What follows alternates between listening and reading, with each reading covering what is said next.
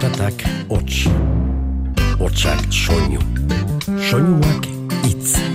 Itza, Mintza, Giltza, bizitza, jola, solas, nola as, nola nas, ganoraz.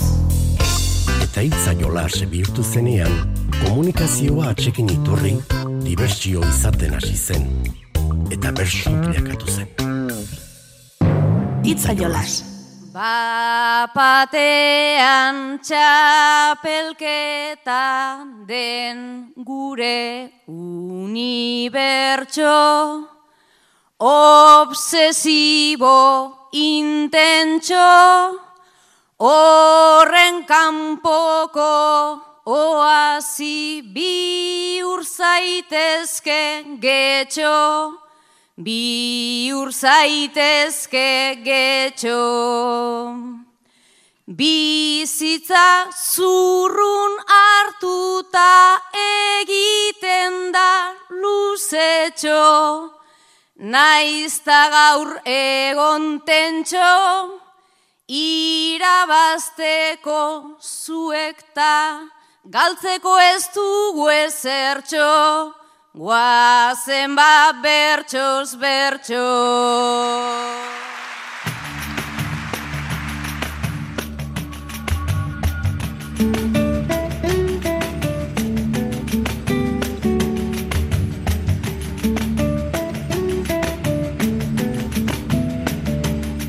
Honela ekin zion 2008 biko bertsolari txapelketa nagusiak getxon irailaren hogeita lauan, oian abartraren hasierako agurrarekin.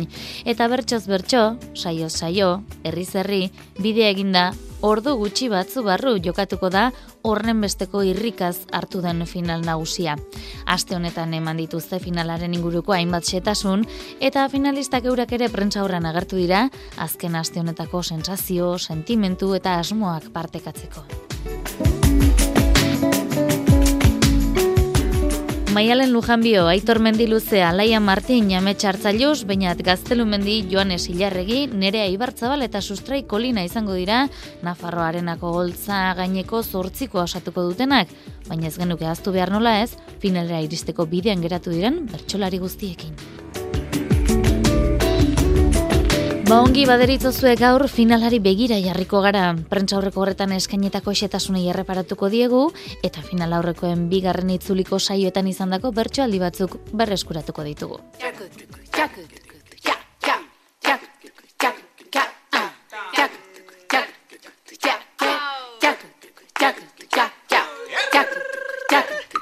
Arestien esan bezala, aste artean eskaini zituzten finalaren inguruko hainbat xetasun, amairu mila bertsozale batuko dira Nafarroarenan, hori guztia ongi atontzeko, irureunda berrogeita amar laguneko lantalde hariko da.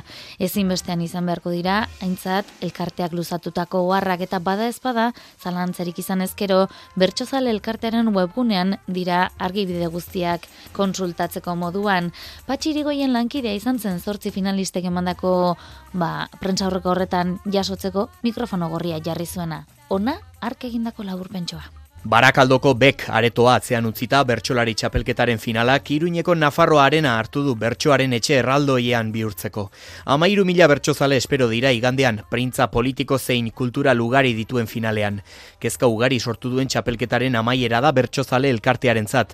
Alde batetik pandemiaren ondotik bertsozaleen erantzuna beroa izanen otezen zalantzak zeuden, eta bestetik plazako egungo aniztasuna txapelketan zehar nola islatu. Gontza lagote bertsozale elkarteko kidea. Txapelketa hau plazan gertatzen ari diren gauza askotako isla izan dela. Nolabait, plazaren errealitatearen eta nistasunaren isla izaten ari dela aurtengo txapelketa. Bai bertxokeran, bai gaien helduelekuetan, bai ertzak bilatzeko maneretan, bai bide berritzaileak urratzean, ekarpenak egiteko aleginean, gaitegian eta norberaren begirada lantzean. Holtza gainean Aitor Mendiluze, Alaia Martin, Amets Arzailuz, Beñat Gaztelumendi, Joanes Ilarregi, Maialen Lujanbio, Nerea Ibarzabal eta Sustrai Kolina.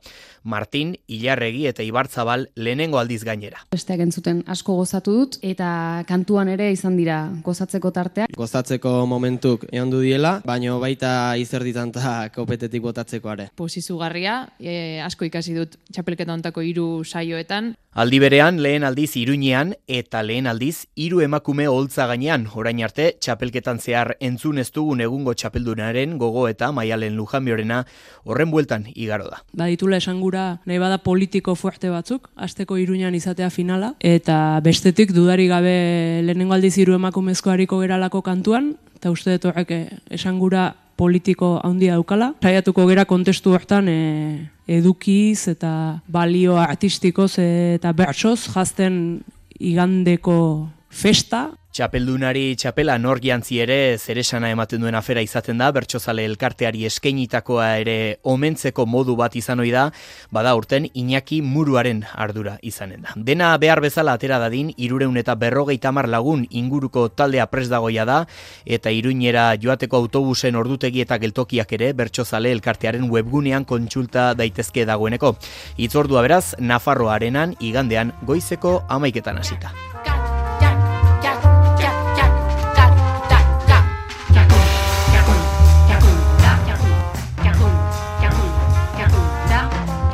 Horiek laburren esan da, baina patxadan entzuteko tarteare hartu nahiko genuke. Nola bizi izan ote dute orain arteko txapelketa?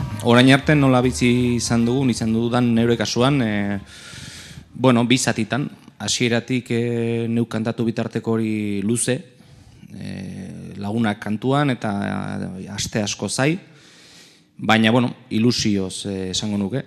Eta behin neure txanda iritsitakoan, ba, batetik arduraz, eta bestetik ba, erosotasun edo mm, kokapen, sen, kokapen sensazio batekin, kokapen on sensazio batekin, eta, bueno, bertsoen aldetik, ba, ez nahi nuke hemen bezain ondo behar bada, zeman momentutan, baina, bueno, nahiko, nahiko konforme orain arteko bidearekin, ez da? Beraz, bueno, nahiko sensazio gozoa nire kasuan. Egunon, nire kasuan Esango nuke batez ere gozatu egin dudala, prestaketan, bertxokidekin prestaketa horretan, baita bertxokideak entzuten ere, saio saio eta iruditzen zaitalako entzuteko eta bizitzeko moduko txapelketa bat izan dela, besteak entzuten asko gozatu dut, eta kantuan ere izan dira gozatzeko tarteak, beraz, e, pozik orain artekoarekin, hobetzeko tartea izanagatik, e, orokorrean pozik.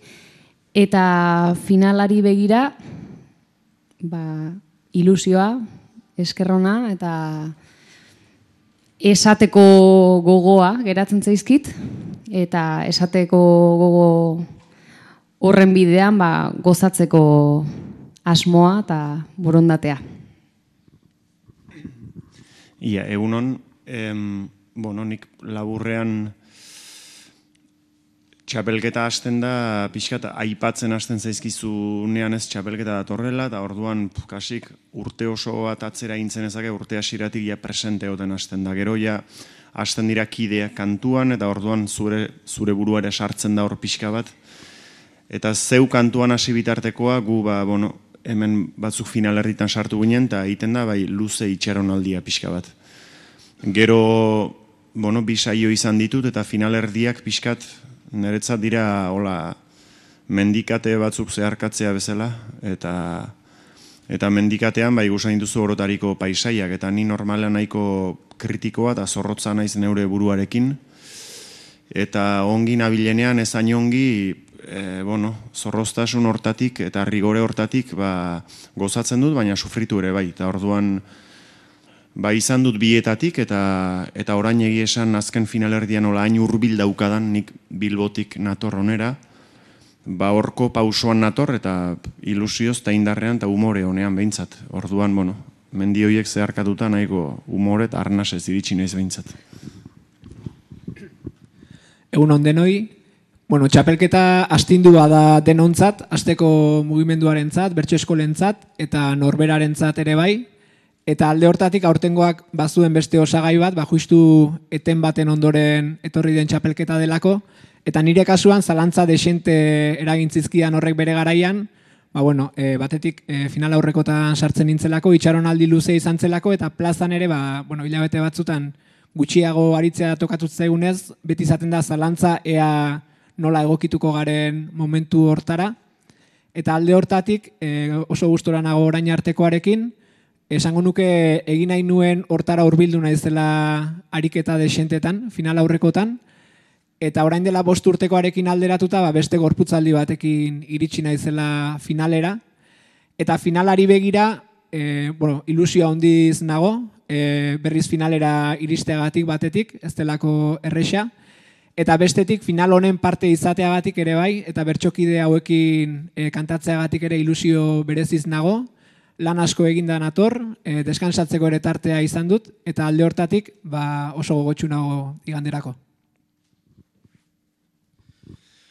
Bueno, e, unon, e, nik nire ibilbidea txapelketa hontan, esango nuke batez ere luzea izan dela, ba, kontutan hartuta e, lehenbiziko, bueno, finala ordenetako lehenbiziko fase horretatik hasita lehenbiziko asteburutik, ba, irail bukaeratiken abendu erdi aldera arte luze, luze joaten dela, eta, bueno, e, ibilbide hortan, ba, esango nuke denetik izan dutela, bai gazitik eta bai gozotik, e, bueno, gozatzeko momentuk e, egon du diela, baino baita izerditan eta kopetetik botatzeko are. Orduan, e, bueno, e, dena, dena, indako guzti horrekin aurrera eta ba, finalari beide ilusioz e, gogo askokin eta bueno, ba, beste zazpi hauekin kantatzeko e, gogotxu hori ba, bueno, pertsonalki e, txapelketa boro biltzeko ilusio batekin, baina bueno, talde bezala baita ere, ba, haber e, etorriko den jendetza guzti horreri e, eskatzen diguno hori ematen diogun ba ardura puntu batekin baita ere, baina bueno, e, esperantza eta konfiantza guztiz. Ba, egun hon nik ere, e, bueno, orain arteko ibilbidei buruz nik ez daukat gauza hondirik esateko, ez bada behatxokidekiko empatiaz, ba, gorak eta berak eta zorabio emozionalak eh, pasa ditu dala, zuek bezala, entzulek bezala eta eurek bezala. Hortik aurrea eta aurrera begira, igandekoari begira, ba nik esan nahiko nuke edo sentitzen dedana da poza handia, suerte handia, hemen kantatzeko aukera izateagatik talde honekin e, egun ederra izango dela segurua da eta uste dut aurtengoak e, esangura haundia daukala, finalek beti izaten dute, baina ortengoak baditula esangura nahi bada politiko fuerte batzuk, azteko iruñan izatea finala, oso garrantzitsua den planteamentua, baso gintzaren partetik eta oroa euskal gintzaren ikuspegitik, kultur gintzaren ikuspegitik, eta bestetik ba, talde hau osatzen dugunon parte hartzea, ba, nik e, suerte bezala bizidet, batetik e, gazte jendea eta jende helduagoaren arteko kate honen irudikapena gertatzen delako talde hontan eta bestetik dudari gabe lehenengo aldiz hiru emakumezko hariko geralako kantuan eta uste dut horrek eh, esangura politiko handia daukala ez niretzat bakarrik, ez emakume ontzat bakarrik, baizik hemen gauden zortzi ontzat uste dut, eta beso gintzarentzat eta kultur gintzarentzat oroar.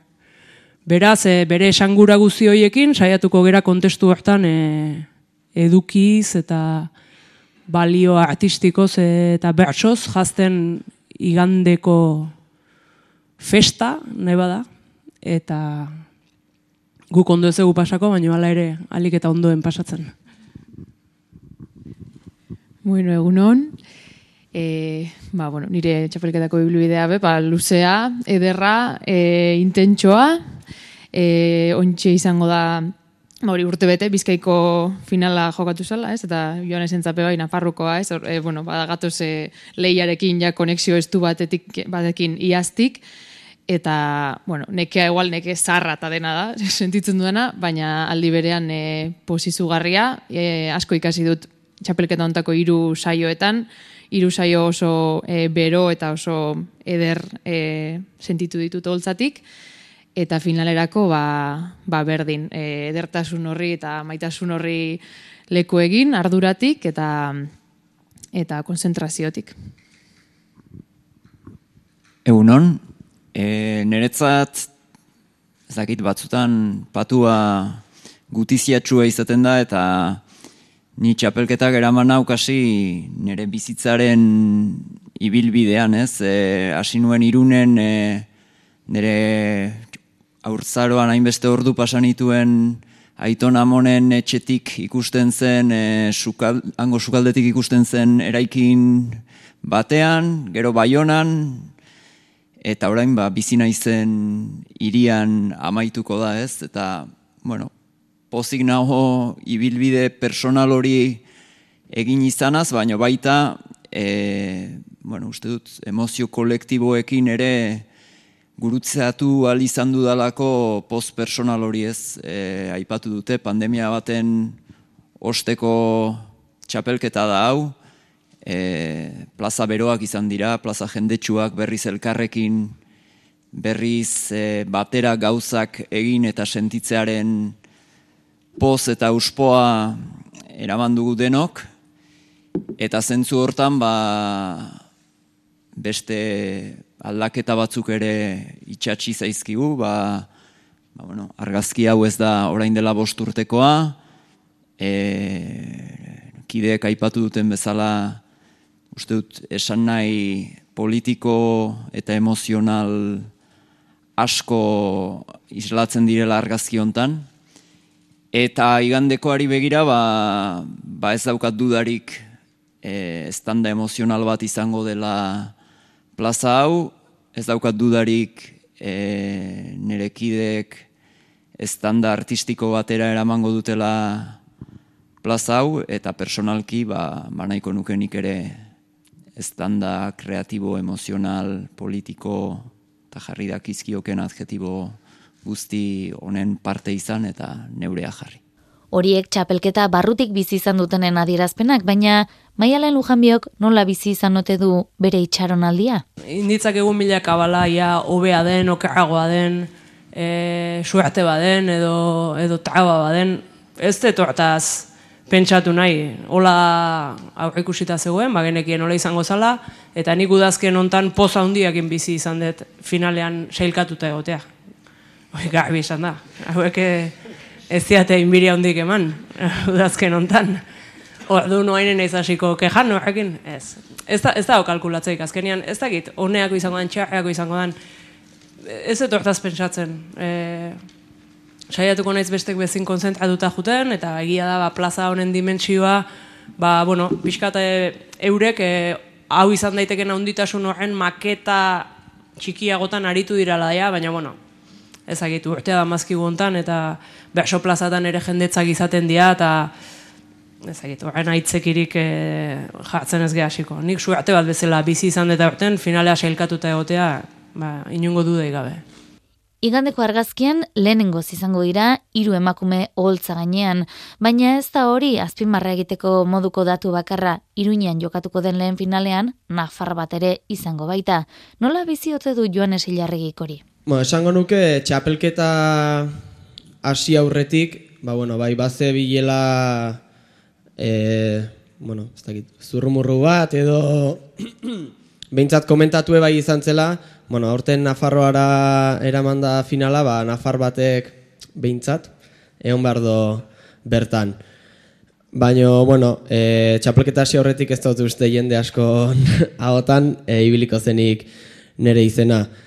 Gero txapelketa aurrera joan ala, e, bueno, bai ikusi dut, e, liz, batez ere lizondoko saioa eta gero, e, ez dakit, aukera erreal baten aurren, e, sortu dela, ba, ez dakit, nahi edo gogo kolektibo bat, ba, nik bai nabaritu nun, ba, adibidez, e, bueno, bigarren e, faseko bigarren saioa baino lehenago eta saioan bertan ere bai, ba, bai jendearen bultzada edo animo hori. Eta presio baino gehiago ba, laguntzatik edo hori animotik bizitu izan dut. Eta niretzako pertsonalki ba, esango nuke ba, poz eta horre bat dela e, lehenbiziko Nafarroan den lehenbiziko finalontan kantatzea, Eta iruditzen zait, ba, bai dela bertso gintzak edo, bueno, bertso munduk e, Nafarroari eta batez ere Nafarroako bertsogintzari egiten dion ba, aitortza bat, ez? Azken urtetan egin den lanaren ondorio, e, ze pauso bai kualitatibo eta kuantitatibo eman dien bai txapelketan eta bai txapelketatik kanpora, eta horren isla dela baita ere, e, bueno, ba, Nafar bat e, finalera iristea, baina, bueno, e, ikusten da, e, neri tokatu zait, edo, bueno, ni izan du naiz kasu honetan, baina, bueno, e, etzela izen bakarra, enintzela ni hortze ona, eta, bueno, hori badela, ba, Nafarroaren azken urtetan, eman dien aldaketan, ba, ez dakit, erakusleio edo, ba, erakusgarri. Zortzi dira finalean izango direnak, baina asko izan dira tamalez bidean geratu direnak. Ziur gaude ordea saiakera denek egin dutela. Zertan egin ote dute finalean izango direnek saiakera berezia txapelketa honetan? Ni saiatu naiz bertsotan egiten, nik askotan esan dut hori, ezta? Baina bertsotan egite hori ez da herrimatzea eta kantatzea eta bakarrik, edo batez ere esan guke ez dela hori. Gehiago saiatu naiz nire kasuan, eh, eta saiatuko naiz finalean ere, ba, urte guzti hauetan zehar lantzen joan naizen bersokera hori, eta ez, ez bersokera, bersoa egiteko momentuagatik bakarrik, baita holtzan egoteko momentu guztiak, bai taldean egoteko momentuak, guzti hori islatzen, ez da? Uste lortu dudala nire kasuan egonarri bat, lortu dudala modu bat, lortu dudala nortasun bat, behar bada eta beste elkarrizketaren batean ere esan dut, aurten inoiz baino jabeago izan naizela, e, gehiago jabetu naiz horretaz, gehiago gozatu dut hori, uste gehiago erakutsi ere egin dudala neurri batean, eta final horretan, ba, final horretan, ba, pixkat horri, horri jarraipena ematen, eta eta hortaz gozatzen, eta hori transmititzen saiatuko naiz, ezta? Bai, bersoak egiteko momentu noski, ba, nire, nire izaera, nire pentsaera, nire bersokera erakusten, baina horretaz gain, ba, holtzan egoteko, finalean egoteko, taldean egoteko, eta egun horretan egoteko modu bat erakutsi nuke. Esango nuke, bereziki nahi dudana dela astintzen nauten gaiei buruz kantatzea, edo astintzen nauten gai horiei leku bat egitea, ies egin baino horiei heltzea.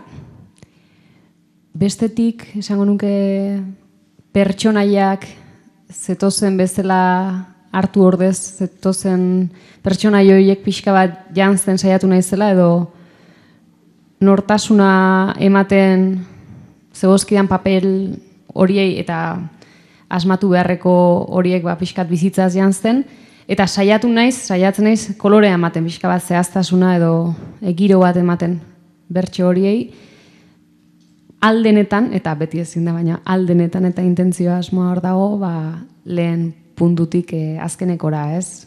Ba, pixka bat bukaerara iristeko bide bat baino ba bertsoa izan da dia, ez bere hortan, e, bidaiatxo bat, ba bueno. Pixka bat e, kolorea eta bizitza ematen saiatu naiz altzen enean eta horretan jarraituko dut.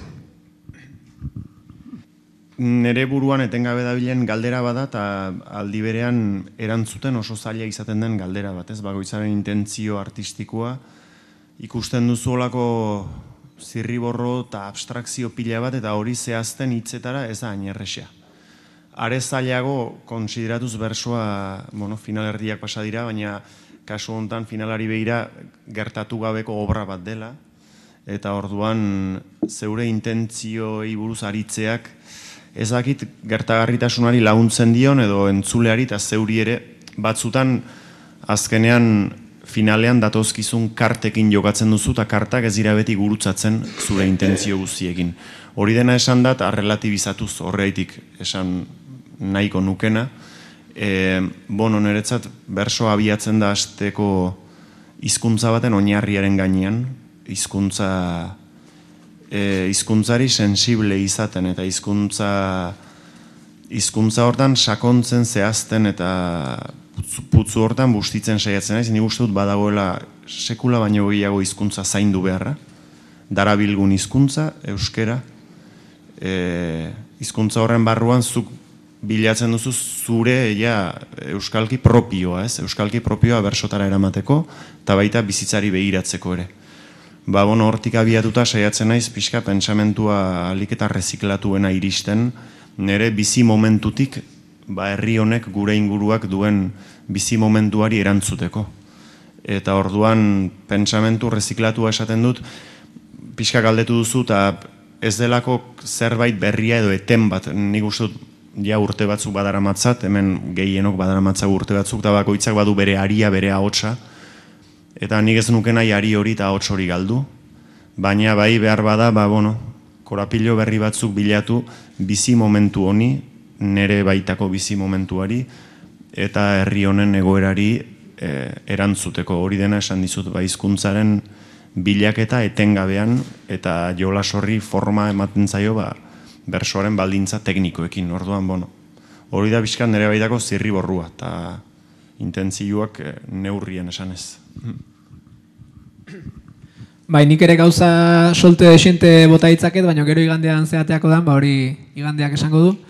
E, batetik, nik uste, batez ere saiatzen naizela, edo se, gehienok saiatuko gara noski, e, momentu hontan gauden lekutik kantatzen, eta leku hori ez da norberaren abakarrik, e, bestek ere eramaten gaituzte leku zehatz batzutara, edo kokapena beti da besteen araberakoa ere, eta plazan ere esango nuke kokapena aldatu egin dela azkeneko urtetan, eta final hontan ere, ba bueno, ez da bakarrik e, finalista berriak daudela, finalista berriak egoteak esan nahi du, lehen gaudenon kokapena ere aldatu egiten dela final hortan, eta beraz, bueno, nahiko nuke kokapen eta leku hortatik kantatu, bizitzan nagoen lekuarekin ere bat egiten saiatu, e, orokorrean esango nuke deno gaudela leku, bueno, azkeneko urte hauek nahiko tristeak edo nahiko, bueno, e, bai, triste xamarrak izan direla e, gure inguruko entzat, eta, bueno, badala momentua indar bat transmititzeko ere, e, positibotasun pixka transmititzeko ere, saiatu naiz txapelketan hortan,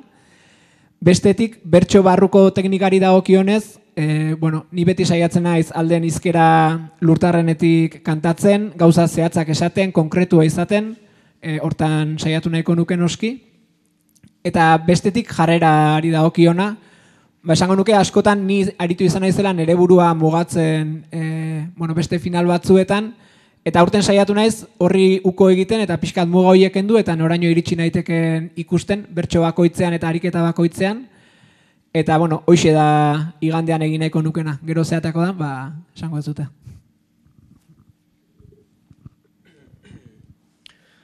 Bueno, nik uste txapelketa beti izaten dela e, bertsolari, bertsolari ontzat, ba, bai bertso mailan eta bai bertsolari bezala, ba, alde neinen koska bat gora egiteko momentu bat, edo, bueno, e, beste garai batzutan zure bururi, zure bururi exigitzen ez dizkiozon lanketak eta bueno, e, prozesu batzuk egiteko garai bat.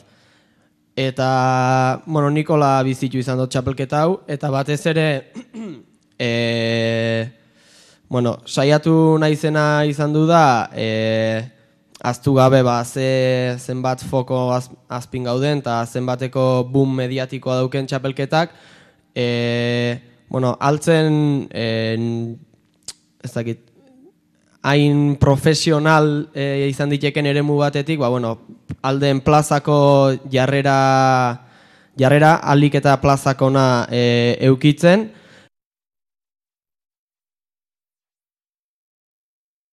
e, ni saiatu naiz e, orain arte plazan erakutsi ditudan gauzak eta gustatu zaizkidanak e, reskatatzen eta pauso bat aratago eramaten, saiatu naiz nere burua bueno, baliabide niretzako berriak diren baliabidez jantzten, eta saiatu naiz bueno, ez dakit, e, jarreraz ere, ba, ba beste batzuetan baino libreago, ausartago, e, gogotsuago agertzen, ez? Eta etortzen saioetara. Ez da beti erresa, baina...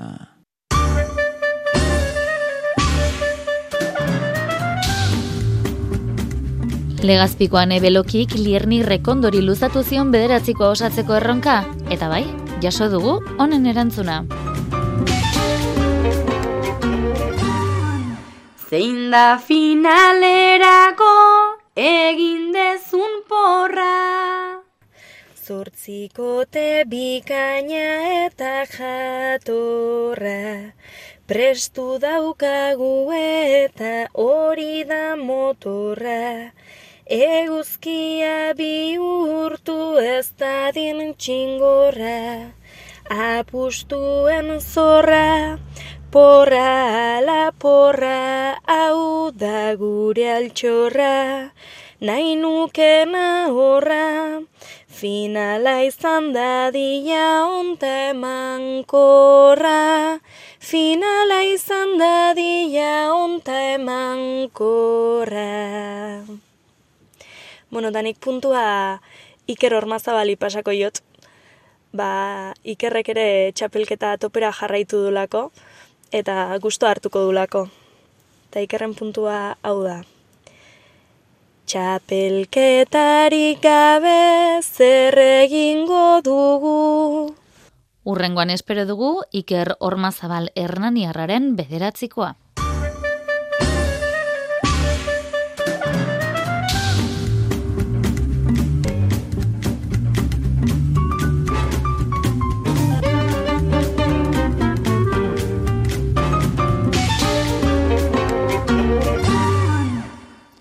Ongi baderitzozue orain, bertsoaldi batzuk berreskuratuko ditugu final aurrekoetako, bigarren itzulitik egin dugu finalean izango diren bersolarien bertsoen hautaketa. Amurrioko final aurrekotik hartu dugu esaterako, Alaia Martinen bakarkakoa, aurko eskorrari bularrematen ari zen unera eraman gintuena. Alaia, hause duzu ganbarako gaia. Gaur arte ez zara ausartu. Oraingoan erantzun egin duzu. Kafetegian nengoen pozik nire aldartean. Txikia eta biok lehen egonak ginen parkean Kafe bat eskatu dut ta, eseri gara atean, ta ondoan begiradak, mintzeko borondatean, oraindik ere titian, oraindik ere katean, ta ala erantzun diot defentsan ez atakean, bularra emango diot, ala nahi dugun artean, bularra emango diot, ala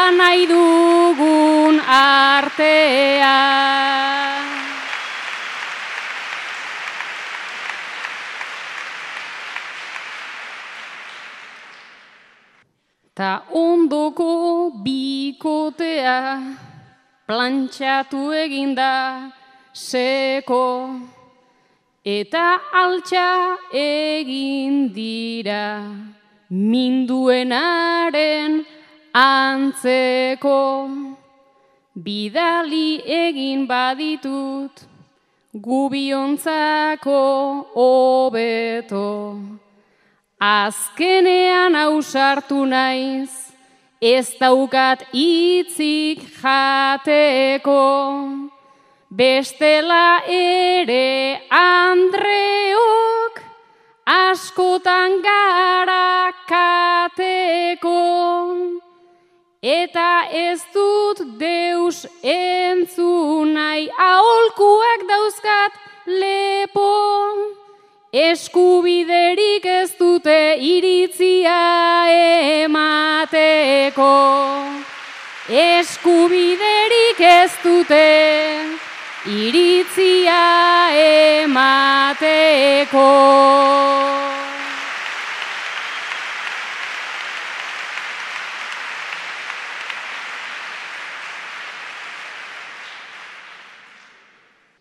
Bi urtetan pasatuak hainbat ta hainbat une txar. Zenbat titiburu zauriz eta zenbat senda belar. Baina ikasten joan gara, denbora dago galtzear. Ta oraindik ere zara, hain auskor eta hain mehar. Beraz nere txiki polit, zuk behar banauzu behar. Artzazu lasaititia eta lasai egin negar. Ta nahi dugun erritmoan askatuko dugu elkar. Ta nahi dugun erritmoan askatuko dugu elkar.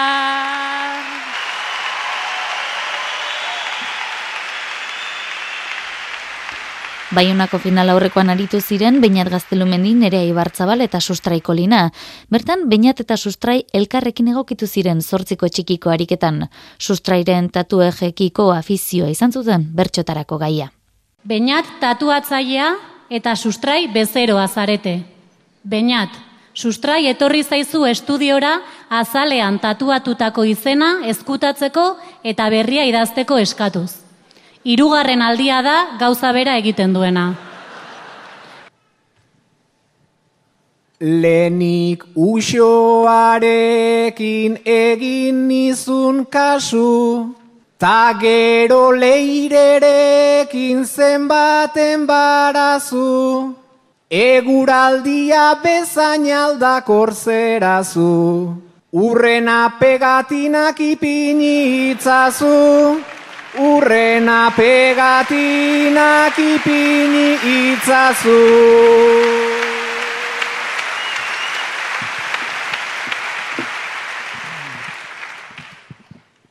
Maitalei pegatzen natzaie jotasu, gehiegi iritzitak gero kasu-kasu, Kendu ezazu leire eta malen jarzazu, Beintzat berapen bat egingo didazu, Beintzat berapen bat egingo didazu.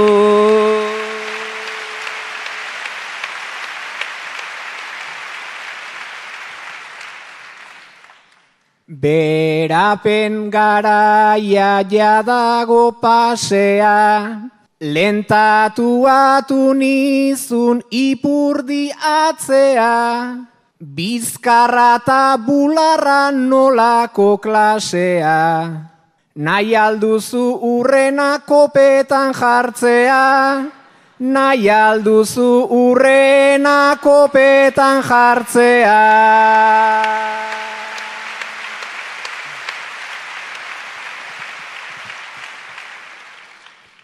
Begira jarri zara nere kopetara, baina ez atrebitu horratz kolpetara, bizi baina izizenak jarri ta ezaba, maitasunean azal gogorra behar da.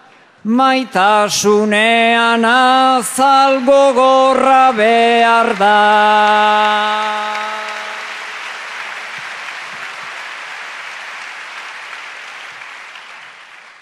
Baina zureak sustrai sortzen dit ikara, beti kromo aldatzen ona eta ara. Azal gogorra behar entzun dizut jada, baina sustrai zurea gogorregia da, baina sustrai zurea gogorregia da.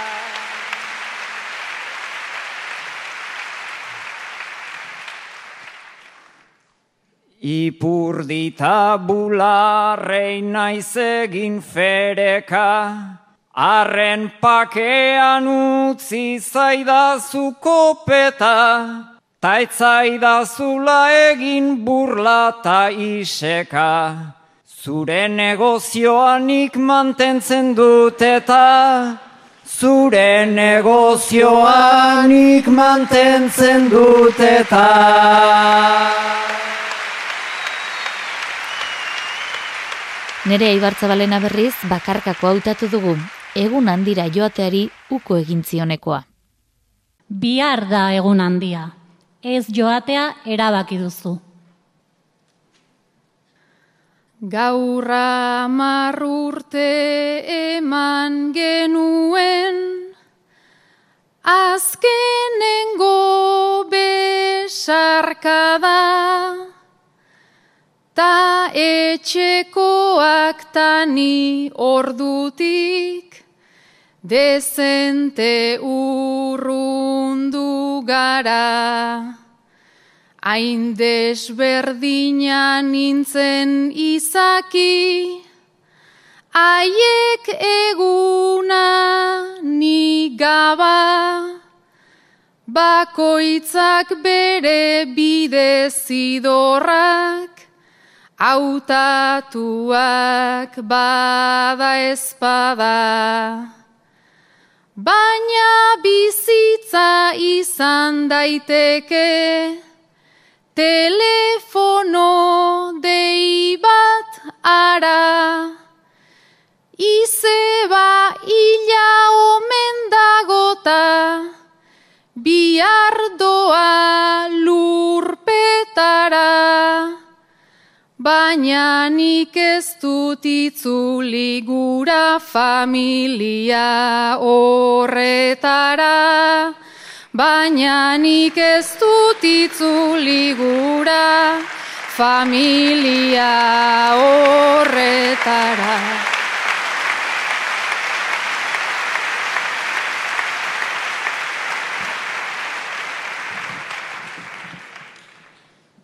Ez dira egon nire minean, pozean ta asarrean, beste etxe bat sortu nuen nik, beraien kontrakarrean. Ta orain denekin elkartu behar, Arratxalde bakarrean, irri txikiak keinu lasaiak, ostasuna beharrean. Bela tokiko gezur artean, apeko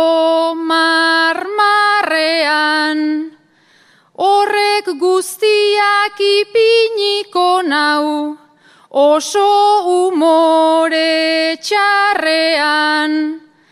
Famili on bat bagina legez herri osoaren aurrean. Famili on bat bagina legez herri osoaren aurrean.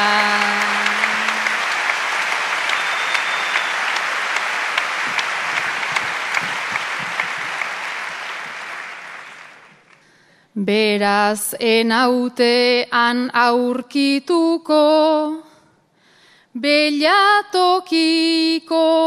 atean, ea bizitzak batzen gaituen, beste aukeraren batean. Nik nahiago dut kandela piztu, bakarrik bake bakean eta pentsatu izebarengan negarrean eta kean. Bere gorpua sartu ala suzko labean arpean Barkatu izeba sentitzen dut zu joatea apartean, baina pertsonak maite behar dira bizirik dauden artean. Baina pertsonak maite behar dira bizirik dauden artean.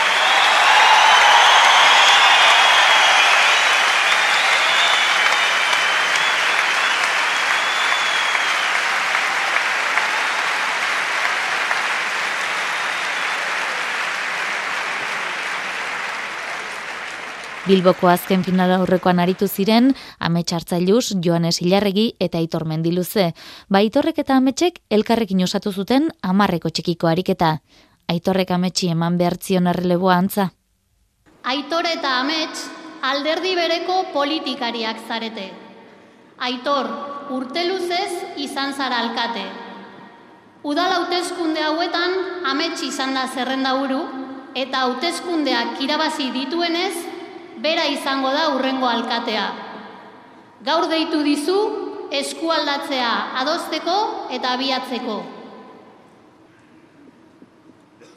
Urtetan etorri naiz, udal beharrera, behar zen aurpegia, behar zen jarrera, Oitu nintzen onera, ta oitu txarrera, gaur eskuinaz kargua pasata aurrera. Beste zerbait pasako dizute ezkerrera, beste zerbait pasako dizute ezkerrera.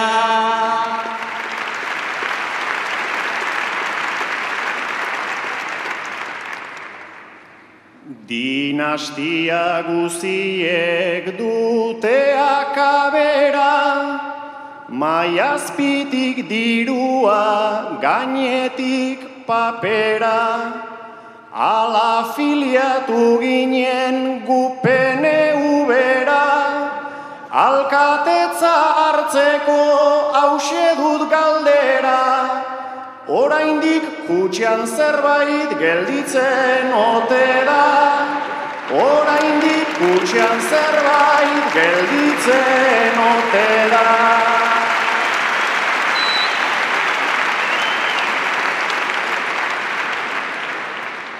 Naikoa egin dezu hori esatea, nien nintzen alperrik egin alkatea, zuk nahi zenuke kutxan asko izatea, nik horren kontu bizita papo jatea, norberak ustutzen du norberak betea, norberak ustutzen du norberak betea.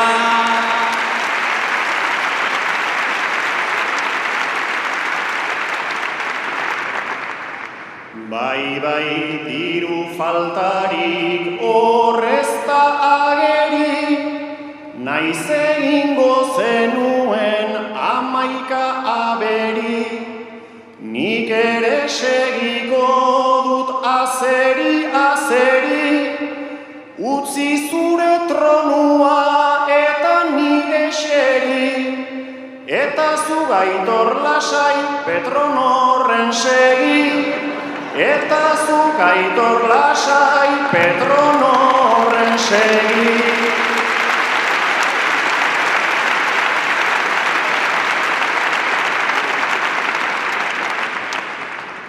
Hoixe zen ezkerrean nekarren egia, hau trampolin bat izan dela alegia.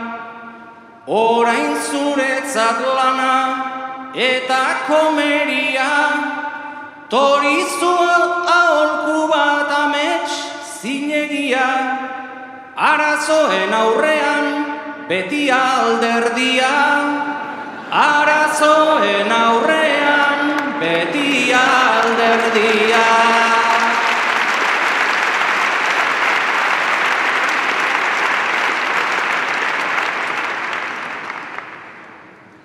Lasai mi alderditik enoa eskapo, gainera ornituak bukopetaz bapo, ongi zainduko ditut nagusita kapo, eta diru partidak eraikuntzarako, eta azken papurrak euskerarentzako, eta azken papurrak euskerarentzako.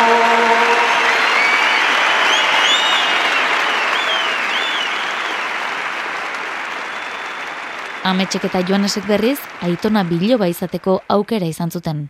Amets biloba eta Joanes aitita zarete. Zu amets, ohartuta zaude kartetan ari zaretenean, Joanes aititak trampak egiten dituela zuri irabazi ahal izateko. Orain ere hala ari da. Eskobanari ginen gubiak gozatzen, kartak juntatu eta amabost osatzen, aiton atera kartak pentsatzera goazen, sei urte dauzkat baina badakit kontatzen, sei urte dauzkat baina badakit kontatzen.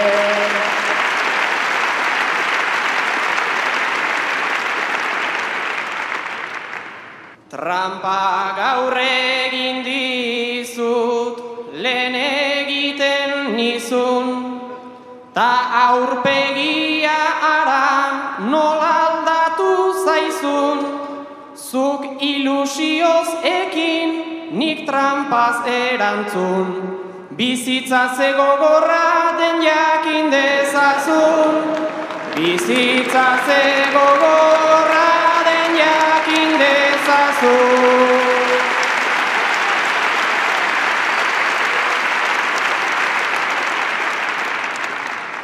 Baina aitona naiz ni ume mukizu, ta bizitzak enauka nizu bezain izu. Kartak kontatzen hemen erdi trampan aizu. Adinai trampa egiten kosta behar zaizu. Adinai trampa egiten kosta behar zaizu.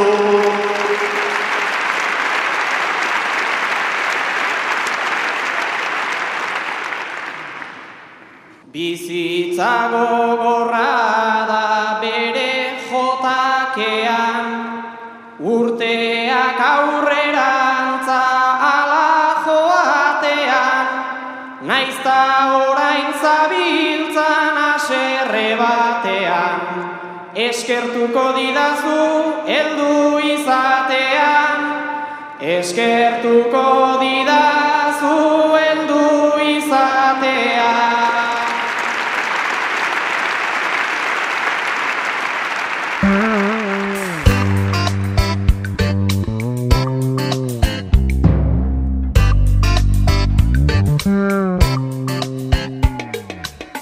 Hauxe bada guztia gaurkoz mirari egurtza teknikaria eta biok bagoa zonen bestez. Ordu gutxi batzuk besterik ez da falta. Zorterik onena opa diegun Nafarroarenako finalean izango diren zortzi bertsolariei eta jakizue Euskadi Irratian bertatik bertara jarraituko dugula Nafarroarenako finala. Saietuko gara uin bidez ahalik eta gertueneko jarraipena egiten. Ondo pasa, gozatu eta aurreran arte.